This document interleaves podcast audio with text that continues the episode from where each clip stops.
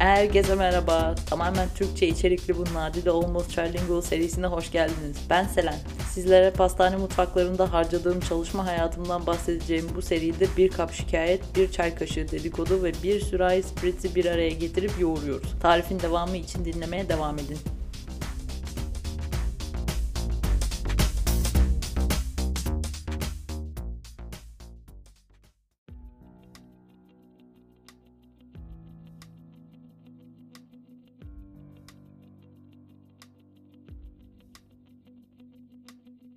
Merhabalar. Umarım vaktiniz vardı da bu bölümü bir öncekinin hemen ardından dinlemeye geldiniz. Arayı fazla uzatmak istemedim zaten uzunluğu yüzünden ilk kısım adeta aynı yere geldi kaldı. Fiziksel olarak Eylül'den öteye gidemiyorum gibi. Ha, mutfak dedikodularına hoş geldiniz. Önceki bölümü hatırlamıyorsanız gidin son birkaç dakikayı dinleyin bari. Yani özetlemek istersem yine her şeyi baştan anlatırım diye çok korkuyorum. O yüzden yani bu e, bu bölüme hazırsanız iyi dinlemeler saçmalığa kaldığı yerden devam ediyorum bir an önce. Şimdi Ekim'in başına geldiğimizde aksiyon son hızla devam ediyordu. Ben ayrıca stresliydim çünkü her sene düzenlenen bu büyük etkinlik yaklaşmaktaydı o dönemde. Bulunduğumuz şehir için oldukça büyük bir olay bu ve aynı zamanda uluslararası bir etkinlik olunca insanlar dünyanın her köşesinden gelip yaklaşık bir hafta falan takılıyorlar. Ve o sırada şehrin popülasyon katlanması restoran ve barlarda özellikle fazlasıyla hissediliyordu. Bizim dükkan da işte o popülaritesi sayesinde bolca iş yapıyordu ve yapacaktı da ama beni esas endişelendiren restoranın artan iş kapasitesi oluyor genelde. Ve büyük gruplar ağırlıyorlar. Onların tatlıları çoğunlukla bizden gidiyordu falan. Ve kimseye hayır demedikleri için bazen aynı günün sabahından bile rezervasyon alıp son dakikada tatlı sipariş veriyorlardı. Bunlar hep önceden konuşulan şeyler aslında. Tabii ki sizin üretim planınızı bozmak istemeyiz. Mümkün olduğunca erken haber vereceğiz falan deyip sonra bir bakmışın her iki günde bir acil durum işte son dakika rezervasyonu falan başlıklı bir şeyler geliyor. Buna her gün çılgınlar gibi satılan pastalarını da eklersek işte normalde bir buçuk haftada bir falan alınan pastalar o civarda neredeyse 3 günde bir falan alınmaya başlıyordu. Ee, ve benim hani bu 11 çeşit pastanın her birinden ikişer tane falan hazır etmem için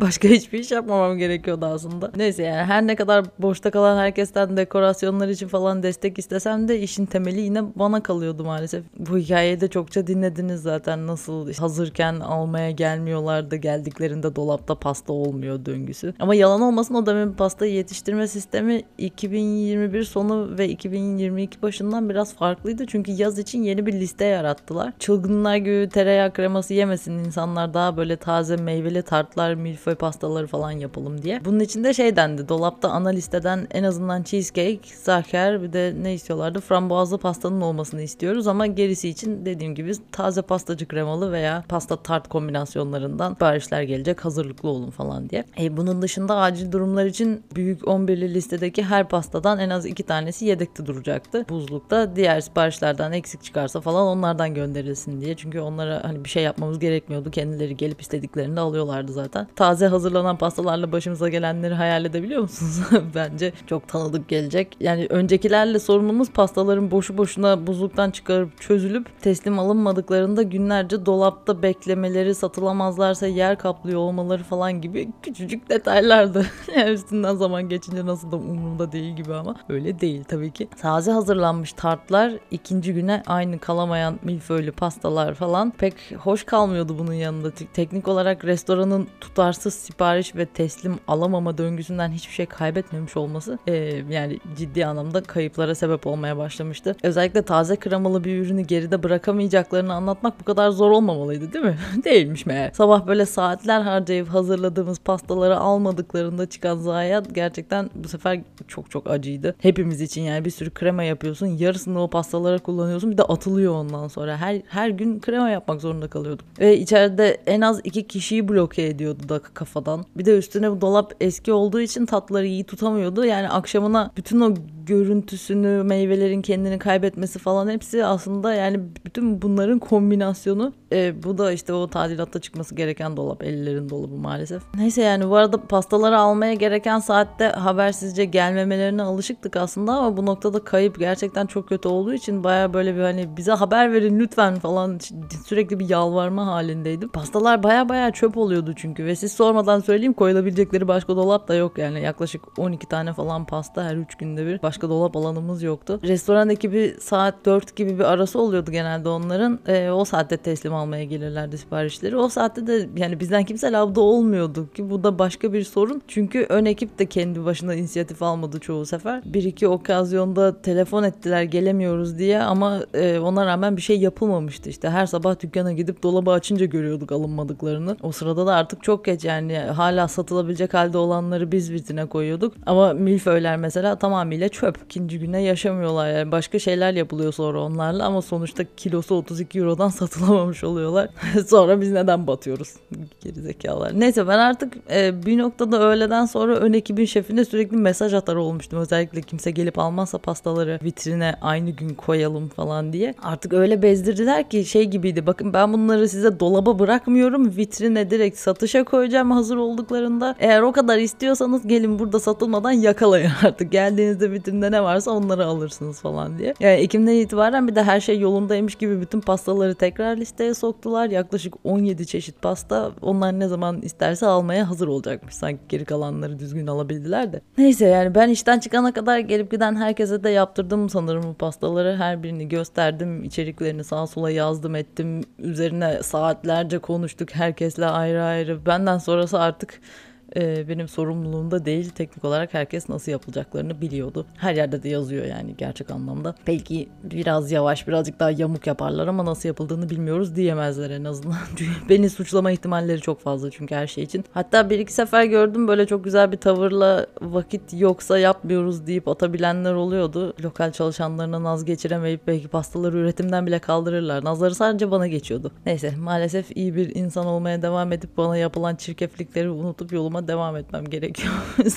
Bu noktada artık çirkeflik kaynaklarımızdan bahsetmek çok yerinde olabilir. Bu kelimeyi kullandığım için kendimden hoşlanmıyorum. Neyse. Albert ile başlayalım. Zaten burada da daha önce anlattığım detaylara dayanarak oluşturduğunuz bir karakter vardır belki. Alize olan çatışmaları, işte Doğan'dan etkilenerek takındığı tavır ve daha önce e, birlikte çalıştığı insanlara karşı olan tutumu vesaire. Yazdan itibaren labdaki herkesle arası iyice açılmaya başlamıştı. Geçtiğimiz yıl boyunca zaten o da başımıza gelenler karşı karşısında sabrını yitirmişti. Her fırsatta diğer kafede birlikte çalıştığı şeften yardım istediğini söylüyordu. Patronla konuşup onu yeniden kafeye aldırması için onu ikna etmeye çalışıyormuş. Söylediğine göre kendisi de patronla ayrıca konuşmuş ama gerçekten o birkaç ay içerisindeki üretim kapasitesi o kadar kısır kalmıştı ki en azından 3 ürün de olsa bir şeyin ucundan tutabilecek birini daha kaybetmek patronun işine gelmiyordu büyük ihtimalle. Ama bir taraftan da işler pisleşmeye başladı çünkü öncelikle Alize olan kavgaları hiç bitmediği gibi daha da böyle küfürlü hale geldi. Baya kötü oldu içerideki ortam. Adamın ağzı baya bozuldu ya içeride. Yani başlangıçta hiç öyle değil. Yani zaten çok sessiz bir insandı ama konuştukça pislik akmaya başladı ağzından. Hepimize açık açık putana deyip duruyordu yani. Bilmiyorum e, hangi nere, nerede olmamız gerekiyor ki böyle bir şeyin bir karşılığı olsun. Hani içeride biri sana açık açık her gün birkaç kere hakaret ediyor ve çok normal bir şeymiş gibi hayatımıza devam ediyoruz ondan sonra. çok, bana çok acayip geliyor gerçekten. Hani şey mantıklı insan olarak diyorsun ki de sinirlendiği için yapıyor ama bir karşılığı da yok onun yani. Sen okey deyip hayatına devam etmek zorunda kalıyorsun sadece. Neyse yani yazın izinleri döndürdüğümüz dönemde Sercan ya da ben lavda değilsek kimseyle muhatap olmak istemediğini söylemişti mesela. O dönemde Sercan izinli olduğu hafta ben izin günümdeyken lavdaki insanları delirtiyordu ama yani ben şahit olamadım ama söylediklerine göre kendinden işte aşağıda gördüğü insanı yanına çekip yapması gereken işleri yüklemeye çalışıyormuş onlara. Hayır denilirse de sinirlenip ben sizden daha uzun yıl çalıştım burada işte benim dediğimi yapacaksınız'a getiriyormuş. Daha önce bahsetmişimdir gerçekten söylediği kadar uzun yıl çalışmanın hakkını verecek olsa istediğini yaptırsın yani zaten biz o güç dağılımını ona çok doğal olarak verirdik. Çünkü Sercan işlerin başında da olsa günlük ve haftalık planlar benden çıkıyordu o zaman da.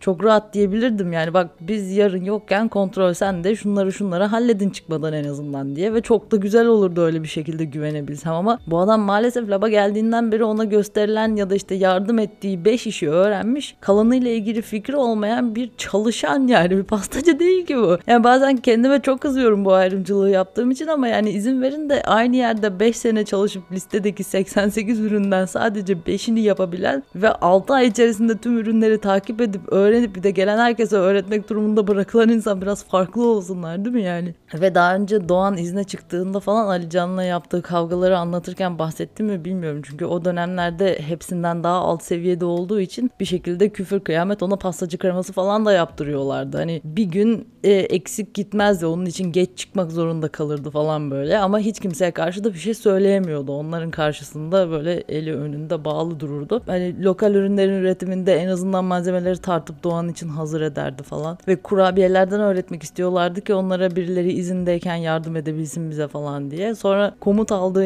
insanlar bir bir labdan ayrılınca geri kalanları işte ben pastacı değilim öyle bir sorumluluğu alamam. Ee, bir şey yanlış giderse sonra bana kızacaksınız falan bir de böyle dalga geçer bir tavırla. Hani ben istesem yaparım ama zaten bir kere sen bana bu işi yaptıramazsın. Ayrıca eğer üretimde gerideysek ekstra eleman alsınlar falan diye böyle bir yani sesimden anlıyorsunuzdur belki ve bunlar bizim yokluğumuzda her şeyi bildiğini iddia edip millete iş buyurmaya başlamasından yalnızca iki ay öncesinde falan denk geliyor. Esas kontrolden çıkmaya başlaması yani yaz başında Doğan'ın gidişiyle zaten ama işte biliyorsunuz Ali Can'la olan olayda da bayağı benzeri tavırlar sergilemişti. Neyse Sercan gitti işte ben izinden döndüm. Patron beni içerideki yetkili insan olarak duyurdu ve orada bir tel daha koptu. Ben işte gün boyunca yapılması gerekenleri tahtaya yazıyordum normalde. Hani kendim için de sonuçta yani takip edeyim oradan falan diye. Patron görmek istediğini söyleyince bu sefer her görevin yanına kim yapacaksa onun ismini de yazmaya başlamıştık. Albert genelde bizim yaptığımız işlere hiç bulaşmadığı için ona ayrıca bir liste yazmak zorunda kalıyordum. Çünkü eğer onun yaptığı işlerin sırası bilinmezse fırın kullanımında çok tehlikeli çatışmalar oluyordu. Doğan döneminden de tahtaya bakmaya alışık olduğu için sabah gidip bakıyordu ama bir noktada kendi ismiyle geçen her şeyi silmeye başladı. Ee, ben başta sadece tamam işte görevleri aldı şimdi uyguluyor neden olmasın falan diyordum. Aptalım ya. Çünkü hala ona güvenmediğim için her saat başı gidip bir de soruyorum hani şimdi ne yapacaksın? İşte şu makineyi kullanabilir miyiz? Fırını yarım saatliğine bloke edebilir miyim vesaire diye. Çünkü bir, bir iletişim gerekiyor aramızda ve o benimle hiçbir şey paylaşmıyordu ve özellikle hani zorlamaya çalışıyorum ki ağzından bir ses çıksın falan. Tahtada ne yazdığı önemli değildi yani o noktada. Bana hala düz de olsa cevap veriyordu en azından. Ama işte aklındakileri paylaşmak onun işi değilmiş. Öyle demişti bana bir gün.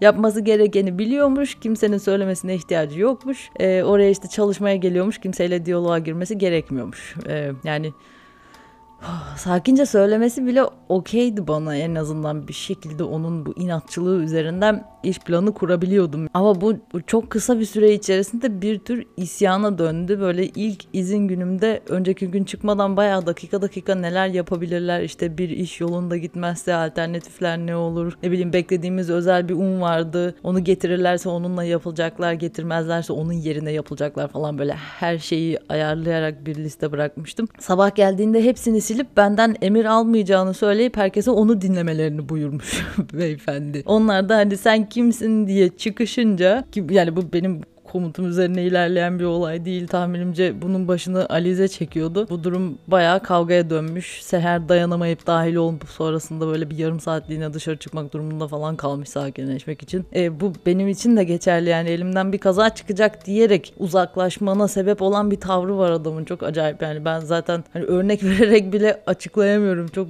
ilginç bir olay. Ve göz göre göre ona bir şey yapılmayacağını bildiği için sanki böyle özellikle üstüne geliyormuş gibi. Alican'ı da böyle kışkırtmıştı zaman zamanında. O yüzden e, işler biraz kontrolden çıkmıştı onlar arasında.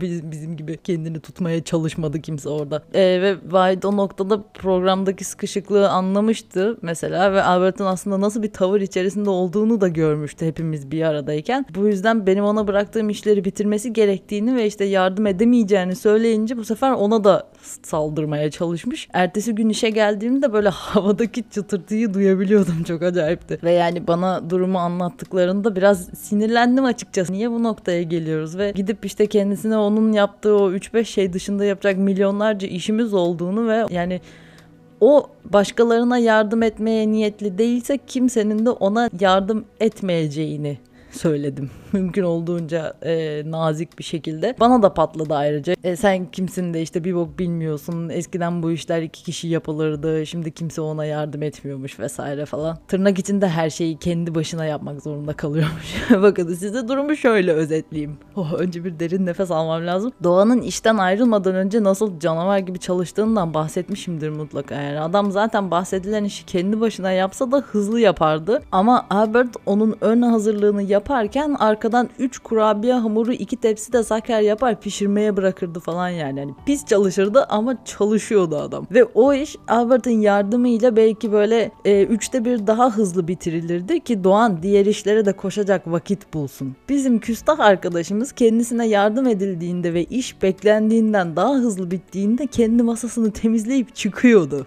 Diğerleri ne yapıyormuş? Yardım edebileceği bir şey var mıymış? Ertesi gün yapması gereken ürünlerin ön hazırlıklarını yapmış mı? Hiç. Ve bu yani sadece onun elinin altındaki şeyler. Bunun dışında zaten beklersin. Ya ben onun gibi sadece 2-3 şey yapabiliyor olsam ve üzerine vaktim kalsa gider insanların işlerine yardım ederim. Olması gereken bu çünkü. Ve yani umrunda bile değil. Ben ona vaktimi verip kendi işimi erteleyeceğim sonra diğerlerini tek başıma mı bitireceğim? Kafayı yemiş olmalısın. Ve yani onunla bu kavgayı vermek bile öyle aşağılayıcı bir durumdu ki. Yani sadece bu yüzden bu basit matematiği anlamıyor diye bir adamla aylarca boşu boşuna kavga ettim. Ben kendime yediremiyorum böyle şeyleri. İnsan gibi yardım istediğimizde bazen ya yarın yapılır falan diyordu. Ya da bazen bak saat kaç oldu yani bu saatte başlarsak bitmez diyordu. Biliyorum kardeş bitmiyor da yani zaten sabah gerekli olduğu için ben bunu yapmaya çalışıyorum hala. Yoksa ben manyak mıyım burada kalayım bir şey daha yapmak için? Gerekli çünkü. Evet, senin umurunda değil çünkü o pastayı senin gibi 5 yıl deneyimli büyük bir pastacı hala yapamıyor. Ve ertesi gün senin yerine benim uğraşmam lazım bunun için.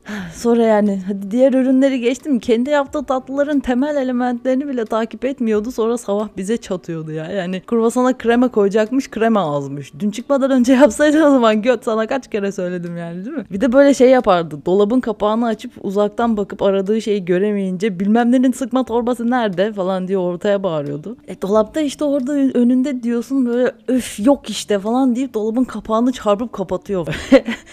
Derin bir nefes alıp gidiyorum. Dolabın kapağını açıp sakince aradığı şeyi bulup kendisine veriyorum. Bana diyor ki az bu. Gerçekten çok iyi dayanmışım. Neyse bence anladığınız durumu daha fazla örnek vermeye takatim kalmadı açıkçası ve bu ilginç bir şekilde gizli bir durum da değildi. Esas ondan bahsetmek isterim biraz. Hani böyle sadece kapalı kapılar ardında yapılan bir zorbalık işte birebir deneyimler olsa neyse. Yani o kadar ulu orta kavga ediliyordu ki bazen ön ekip müşteriler rahatsız olacak diye laba giden koridorun kapısını kapatırdı.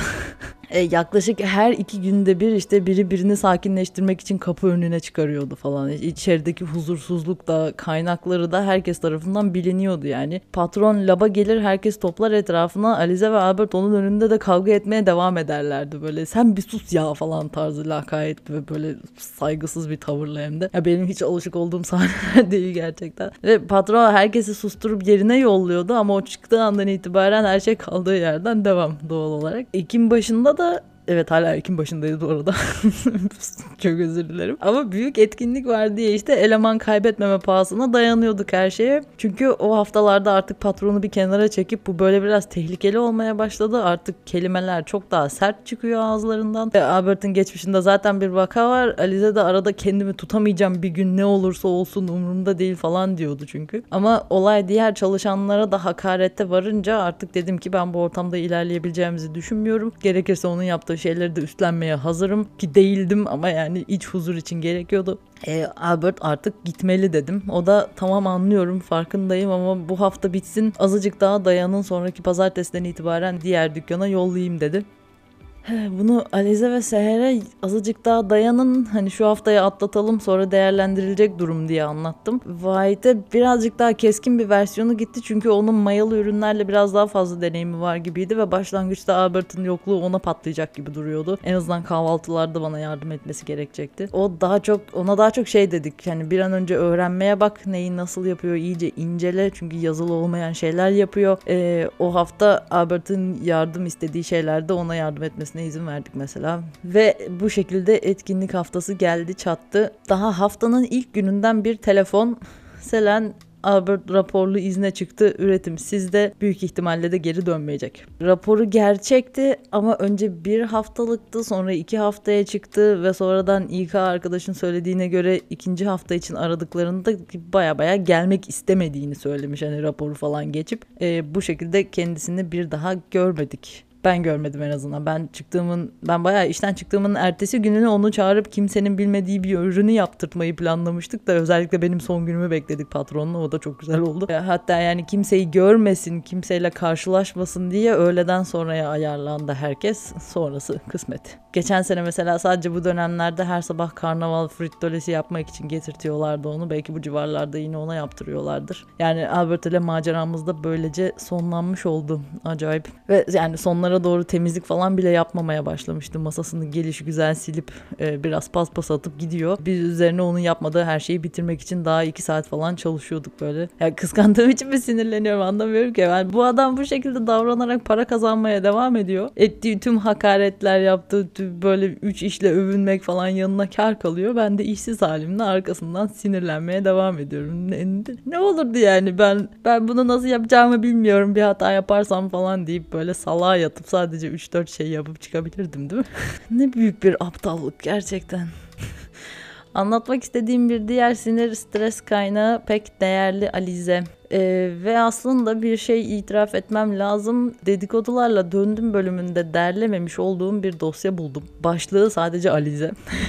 Nasıl oldu da gözümden kaçtı bilmiyorum. Hayal meyal şeyi hatırlıyorum. Sadece ona sinirlendiğim anları kapsayan bir bölüm yapmak istemiştim. Anlatmayı düşündüğüm şeyleri not almaya başlamıştım. Ee, herhalde onunla başlayan bir şey olmuş. Çünkü sonradan kendimi tutamayıp içeride başka şeyler de yazmışım. Onlara bu kısımda da değinmek isterim açıkçası. Öyle kaybolup gitmesinler. Bu arada elimde bir de baya baya iki müsvedde kağıda çizittirilmiş bir liste var. Onun başlığı da Alize Disturbances. Tam olarak ne zaman başlattım hatırlamıyorum herhalde işten çıkacağımı bildirdiğim haftaydı. O zamandan itibaren günün birinde ondan bahsetmem gerekecek diye aklıma gelen her saçma anıyı böyle tek cümlecikle not almaya başlamışım. Hatta kağıdı İstanbul'a da götürdüm ki toplu taşıma da trafikte falan başka şeylere sinirlendikçe dükkanda olanları hatırlarsam not ederim diye. neyse böyle manyak da olabilirdim ama neyse ki olmadım korkmayın. Tatilimi oldukça keyifli ve geçmişi tekrar tekrar yaşamayarak geçirdim. O yüzden son son bölümden sonra araya yine aylar girdi zaten de neyse.